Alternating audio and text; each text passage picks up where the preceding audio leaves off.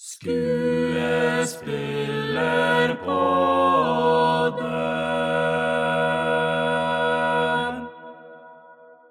Velkommen til Skuespillerpodden, som ikke er en podkast for deg som liker ti minutters småsnakk før vi begynner på dagens tema. Her nøler vi nemlig om skuespillerkunst, og jeg er Øystein Stene, en forfatter med endeløs nysgjerrighet på skuespill, dessuten dosent ved Teaterhøgskolen på Kunsthøgskolen i Oslo. Dagens tema er dukketeater, figurteater og objektteater, og hvordan en skuespiller skal jobbe for å beherske disse formatene. Om dette så skal jeg snakke med Tormod Lindgren. Tormod er kunstnerisk leder for Teater Korpus, som er et figurteaterkompani. Ja, som jeg startet for eh, fem-seks år siden, etter at jeg har jobbet som scenograf for andre i 25 år, kanskje. Ja, og du har vel de siste årene vært en av de mest aktive innenfor figurteater i Norge? Ja, eh, de siste syv årene. eh, ja, siden jeg startet kompaniet, så er vel den kanskje den, en av de mest produserende. Lagd en forestilling i året. Eh, Du har også vært utøver i noen av dine forestillinger. Ja, det var bare å kaste seg inn på en produksjon, for vi manglet en utøver på en liten, uh, liten forestilling for barn. Hvis jeg skal nevne eh, kanskje et par av de siste forestillingene dine, så kan jeg jo nevne dramatiseringa av Aksel Jensens roman fra 1965, Epp. Er Sci-fi-teater for voksne. sci-fi-teater for voksne. ja. Og så kan vi også nevne Berg og Høgs fotostudio. Som er en slags eh, fortelling om skeiv kjærlighet i Horten på midten av, eller slutten av 1800-tallet. Ja. Stemmer det? Andre ting du syns jeg kan nevne? gjorde en stor produksjon for to år siden, Simplicissimus, om et tysk satiremagasin som det var veldig mange nordmenn involvert i. De var en stor, sterk opponent til nazismen. Så lagde jeg i 17 en forestilling med en tekst av Edvard Munch. Det var verdenspremiere, urpremiere på et, hans eneste teaterstykke. Pluss lagde én barneteaterforestilling, men den ble ikke noe hit, for det var en barneteaterforestilling om en nær-døden-opplevelse, så den ville de ikke ha på kulturelle skolesekk. Det var ingen som ville sende ut Nær døden-teater til eh, barna? Nei, da kom det en sykehusklovn og sa at dette her kan ikke barn se. Aller først, Tormod, hvis vi skal se historisk på spørsmål rundt liksom, dukketeater og figurteater og sånt, så er jo små figurer, mennesker og dyr noen av de aller eldste estetiske objektene vi har. No, altså de, noen av det er jo datert tilbake så langt som 30 000 år siden. Kan du gi en god forklaring hvorfor vi alltid har drevet og laga figurer og representasjoner av hverandre siden tidenes morgen? Ja, dyr kan jo ikke representere seg selv. De har ikke den meterbevisstheten. Eh, så det er jo noe eh, helt fundamentalt menneskelig å prøve å se seg selv, prøve å forstå seg selv. Eh, og det berører jo grunnleggende psykologiske funksjoner i oss mennesker. Altså vi har behov for å se oss selv, og vi har behov for å få en meterbevissthet rundt oss selv. Et barn leker jo med dukker, og det har de jo alltid gjort. Om det var en liten pinne som Knerten, eller om det blir en avansert Barbie-dokke eller en med, som med datastemme og alt sammen. Barn bruker jo disse dokkene for å speile seg selv, for speile omgivelsen, spille ut sosiale situasjoner, menneskelige situasjoner. Barn lærer empati ved å spille ut tingene i, uh, i, en lekesituasjon med en figur, veldig ofte. Du trøster den bamsen som har slått seg, og så får den plaster, eller så kan du le sammen med bamsen. Så de, man lærer å være menneske gjennom figur og dukker. Det finnes, så vidt jeg vet, uh, sterke arkeologiske indisier for eksistensen av uh, dukketeater og skyggeteater minst 4000 år gamle. Altså som i sumeriske sivilisasjoner i India, i gamle Egypt, i Kina, i Afrika. Det vil jo si at vi egentlig har bevis på eksistensen av figur- og dukketeater før vi har det på menneskelig skuespillere og teater. Vet vi noe om hva disse teatrene har kommunisert? Og hvis vi ikke vet, hva, hva tenker du? Altså, grensen mellom liv og død blir jo ofte sprengt i figurteater. Altså man prøver å mestre virkeligheten gjennom fetisjen, gjennom objektet og figuren.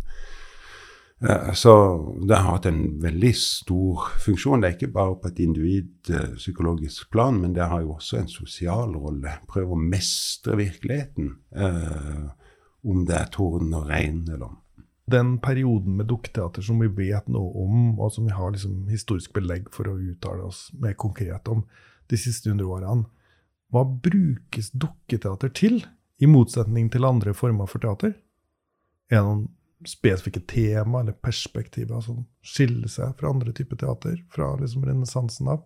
Um, det som er fordelen med figurteater, uh, og som man så veldig utbredt i uh, Europa, både Øst- og Sentral-Europa, England, det var jo at fordelen med dukketeater er at du kan ha et svært ensemble. Uh, så det var veldig enkelt å praktisere. Og uh, i Tsjekkia for ca. 100-150 år siden så var det rundt 3000 private dukketeaterscener. Så i enhver lille landsby så var det lite, en liten familie, en familie som drev sitt lille dukketeaterkompani som uh, enten skrev sin egen historie, lagde sin egen historie, eller gjenfortalte eventyr eller små fortellinger. Så fordelen med dukketeater er at det er så veldig lett tilgjengelig. Um, Siden du trakk fram Tsjekkia, var det mer dukketeater i Tsjekkia enn mange andre steder i Europa? Ja, Tsjekkia var, var, det spesielt mye. Jeg studerte en periode i Praha på midten av 90-tallet, og da uh, ble jo også kjent med et av de sentrale tsjekkiske mytene, som er golem-skikkelsen.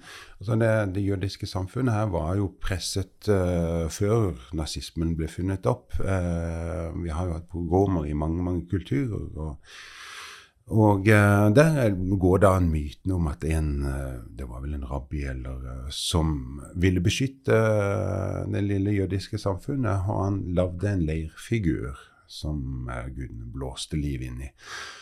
Det var nok litt vanskelig å kontrollere den, dette vesenet. For um, det ble jo som en datamaskin eller uh, AI, eller hva, hva, hva, finner dette vesenet på? Og vi kjenner det igjen i, videreutviklet i Frankenstein-myten.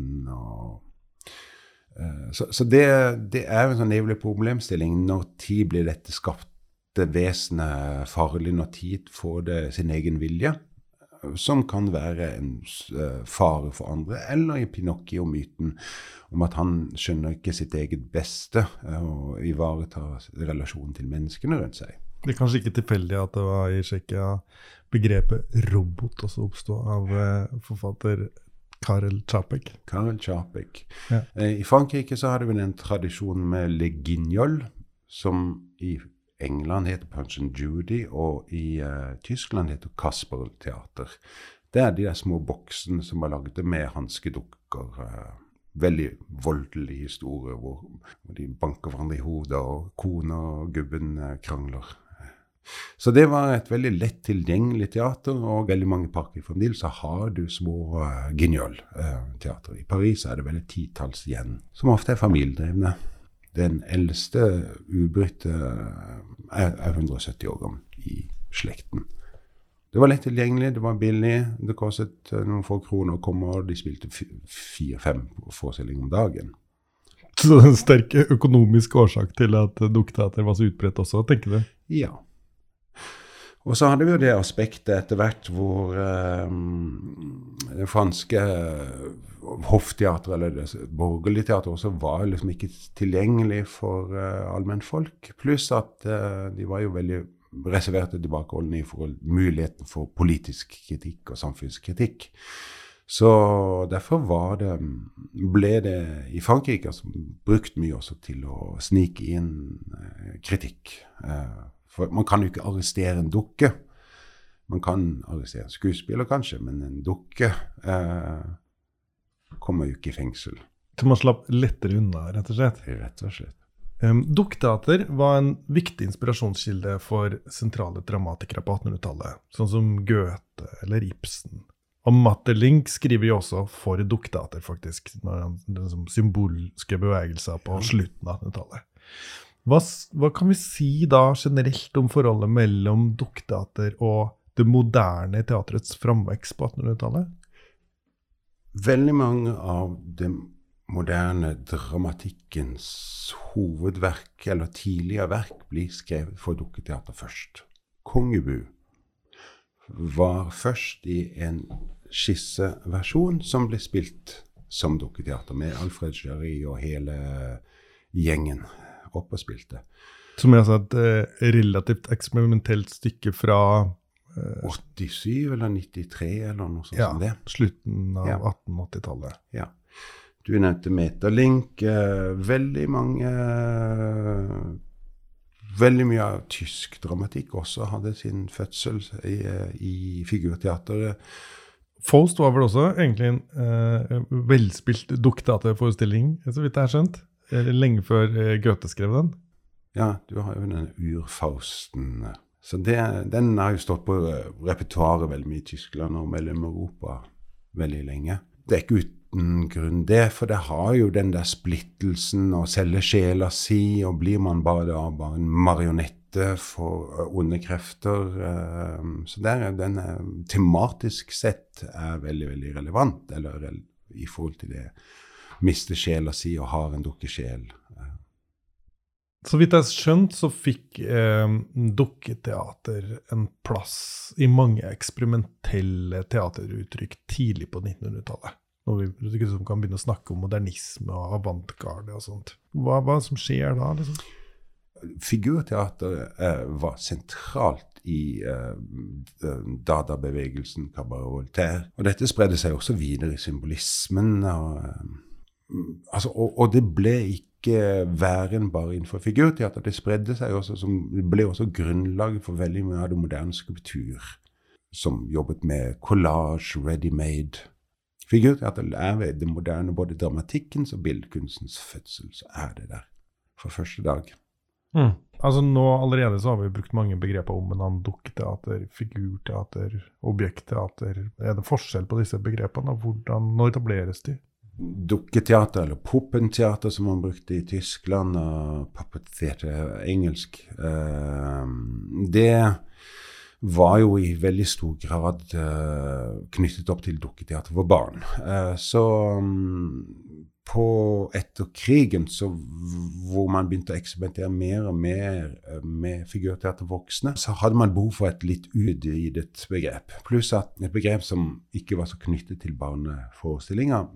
Figurteater rommer alt. Objektdata er en sidegren av uh, figurteater. Figurteater er både spill med dukker, det er spill med objekter, det er skyggeteater. Uh, og innenfor dukker så har du et stort register. Du har stangdukker, hanskedukker, uh, marotter, uh, automater og veldig mange versjoner.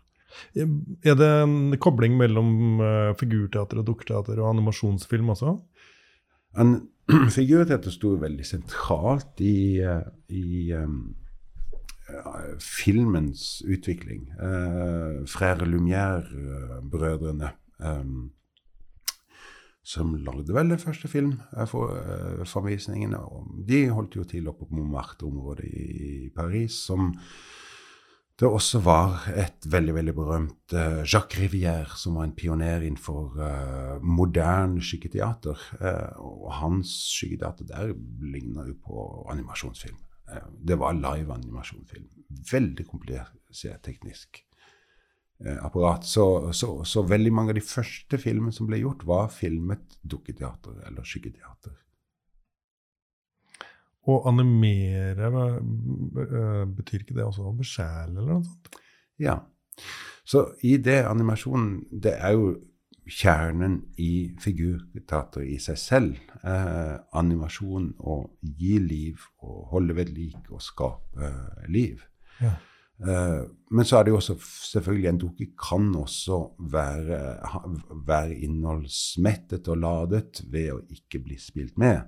Eh, det kan ha den funksjonen. altså En Kristusfigur uh, på et altertavle har jo også driver med en metafysisk animasjon, uh, for de troende iallfall. Mm. Og en estetisk animasjon for de estetikerne, da, som kanskje ikke tror det er så veldig mye ånd. Så på en eller annen måte så er det da eh, dukkeføreren, er det det vi skal kalle figurføreren? Hva kaller vi vedkommende? Bytte på de tingene nonstop. Ja. Uh, jeg syns jo i utgangspunktet så er det jo skuespillere. Uh, og så sier jeg noen ganger figurspillere. Og så noen ganger tuller man og så kaller det dukke, dukkespillere. ok. Er det det som er jobben deres? Å animere eller besjæle eller skape liv i Eller? En skuespiller som bruker en figur, gjør noe mer enn å føre figuren. Han er en fullverdig skuespiller, men han har noen ting i tillegg. Og der, eh, der ligger mye av kjernen. Det er ikke en dårligere eller en annerledes skuespiller, men det er bare en skuespiller pluss, pluss. Det blir litt sånn som en skuespiller som kanskje også er operasanger. Operasangerne de, eh, de spiller jo teater, men i tillegg så bruker de sangen i en ekstremt god grad. Hva kreves det av en figurspiller, en skuespiller som skal jobbe med objekter og figurer? Hva vil du si er liksom den ekstra ferdigheten man trenger? Ja. Det viktigste man må skjønne, er jo at det er ikke du som er hovedpersonen. Det er faktisk den der som står ved siden av deg. Det er som å ha en siamesisk tvilling som vokser ut av kroppen din. Den kan jo ikke leve uten deg. Så det er ekstremt viktig at det krever en evne til å lese deg inn i det andre. Du må formidle via den, og du må også etablere en dialog mellom deg og det objektet. Som Du er ikke bare en slave. Noen ganger kan du også utfordre det objektet. Så det å skape denne parallellitet-eksistensen er viktig. Og det krever både Det krever veldig mye ydmykhet eh, på det. Eh, I den forstand at eh, du må legge bort deg selv. Altså det må man jo også som skuespiller. Hvis man skal gå helt og fullt inn i en rolle. Om det er Hamlet, så kan man ikke Man er jo ikke Hamlet til kjøkkenbordet hjemme. Man, det er en transformasjon som skjer, um, men det er en dobbelttransformasjon uh, der. Så det, det, kan legge på seg veldig, veldig mange lag. Um, det er jo veldig mange måter å spille når man jobber med dukkespiller. Altså, da kan man plutselig bli en helt nøytral ting selv på scenen. Man må godta det å kanskje bare være en geometrisk form eller en operatør eh, som nesten som en scenetekniker. Det er en stor del av jobben både på scenen og ved siden av scenen. Det er et veldig teknisk fag, eh, veldig ofte. Eh, du kan ha ekstremt mange dukker, du kan ha ekstremt mange skift. Så det krever veldig mye logistikk. Man kan ikke gå rundt og føle alltid og lete etter rolletolkningen. Rolletolkning er situasjonshåndtering veldig ofte. Måten jeg jobber med dukketeater, er jo eh, ikke den tradisjonelle formen. Tidligere så tradisjonelle, etablerte formen var jo inni en boks også med hanskedukke. Jeg spiller så å si alltid med dukkespilleren synlig. Og eh, jeg lager ofte forestillinger hvor skuespillerne også har scener uten dukker. Så for meg så må de først og fremst være gode skuespillere. Som kan synge, som kan danse, som kan ta tekstpartier. Og så har jeg forskjellige måter å jobbe med dukkene, og forskjellige typer dukker.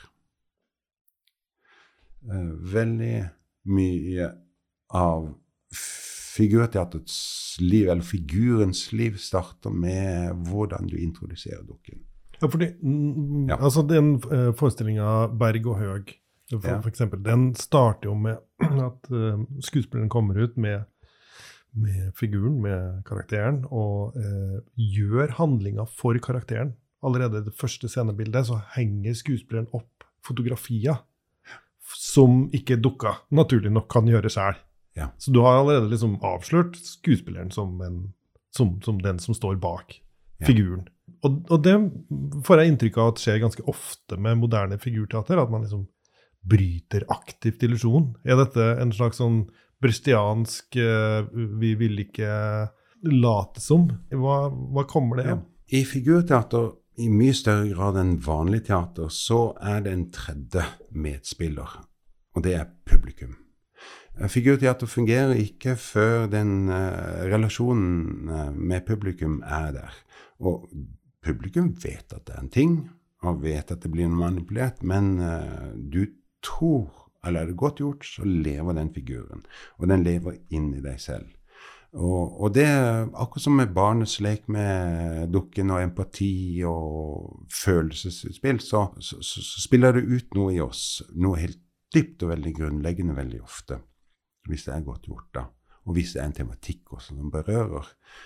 Derfor så syns jo Når jeg jobber og lager forestilling, så prøver jeg veldig ofte å begynne med noen veldig elementære dukker, noen elementære øvelser. Så det ikke er lasset på med f.eks. tekst eller mening, eller si hva denne dukken skal uttrykke. Så jeg kan ofte begynne med Komme med en figur halvferdig, eller hva det måtte være. Gi den til dukkespillene og be dem om å se hva vil den. For dukken vil noe mer enn hva vi vil at den skal gjøre. De er fullverdige vesener på scenen, eh, og da må vi bare forstå at når vi spiller dukketeater, så er deres verden er den sanne verden. Vel så mye som dukkespillerens er virkelighet. De kan deres verden. De tror at kjøttbeinet er kjøtt, og at de blir mette når de tygger på det. Hvis du har en liten hundevalp med et kjøttbein, så blir jo den mett etter hvert, eller glad, eller drikker vann.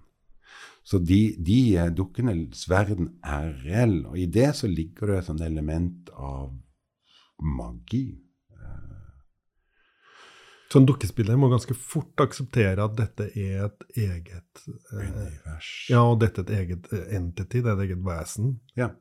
Altså, Dukketeater er jo en spiritistisk aktivitet. Vekke de døde til livet. Så når jeg lagde den forestillingen om Berg og Høg da i vinter, så, eh, så koblet det også direkte til at veldig mange av eh, kvinnesakspionerene, som Marie Høeg var en sentral skikkelse i, eh, de var aktive spiritister.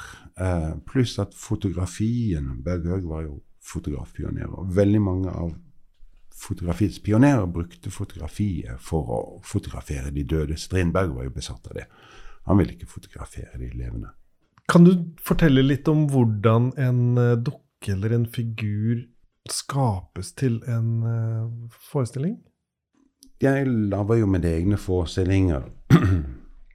Og da utvikler jeg ofte manus eh, underveis, som regel med en ekstern dramatiker. Jeg lager ofte dukkene før før jeg går inn og analyserer teksten. Eh, jeg har jobbet som scenograf i så mange år og blitt litt lei av å analysere manus og lage skisser og sånt. Det, det, er, det blir litt hemmende for utformingen av figurene.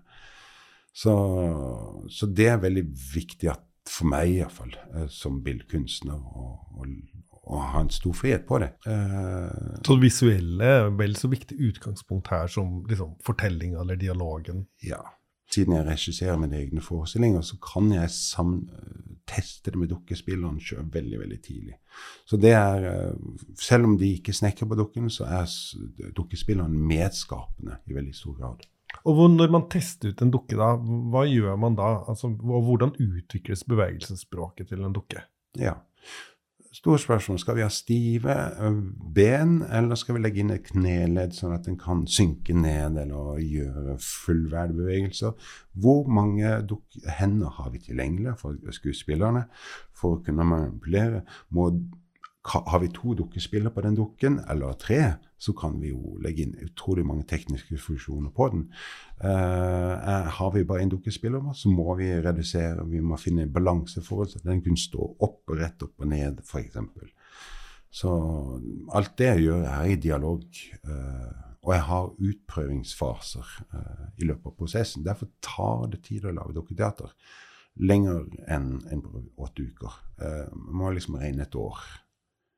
Er det noe du opplever figurteater er særlig egna for å ta opp? Ja, de kan jo gjøre veldig mange ting. Både fysisk og metafysisk, som er vanskelig for skuespillere å få til. Selvfølgelig, de kan jo fly når som helst. Vi trenger ikke et sånn trekk i taket for å lage Peter Pan. De kan fly anytime. Um, de kan gjøre trippelsaltoer. De kan uh, Og i utformingen så kan du jobbe med satiren. Vi kan jobbe ekstremt overdrevne uttrykk. De kan være voldelige. De kan, så de kan ha en veldig stort fysisk uh, repertoar. Men det de kan gjøre også, er jo at uh, de er døde. Dødens representasjon og le, jobbe med det overgang, møtepunktet mellom liv og død, er de jo ekstremt dyktige på. Figurteater, ja, de kan nå en uh, åndelig dimensjon. Uh, den siste forestillingen så hadde jeg jo spøkelser. Jeg har lagd en forestilling med nær døden-opplevelse. Og det å sveve mellom liv og død, det dukker veldig godt egnet til. Og i det så ligger det også den religiøse fetisjen, den religiøse karakteren. Altså, man bærer rundt Kristusfigurer i gatene i Spania, Italia, i religiøse festivaler.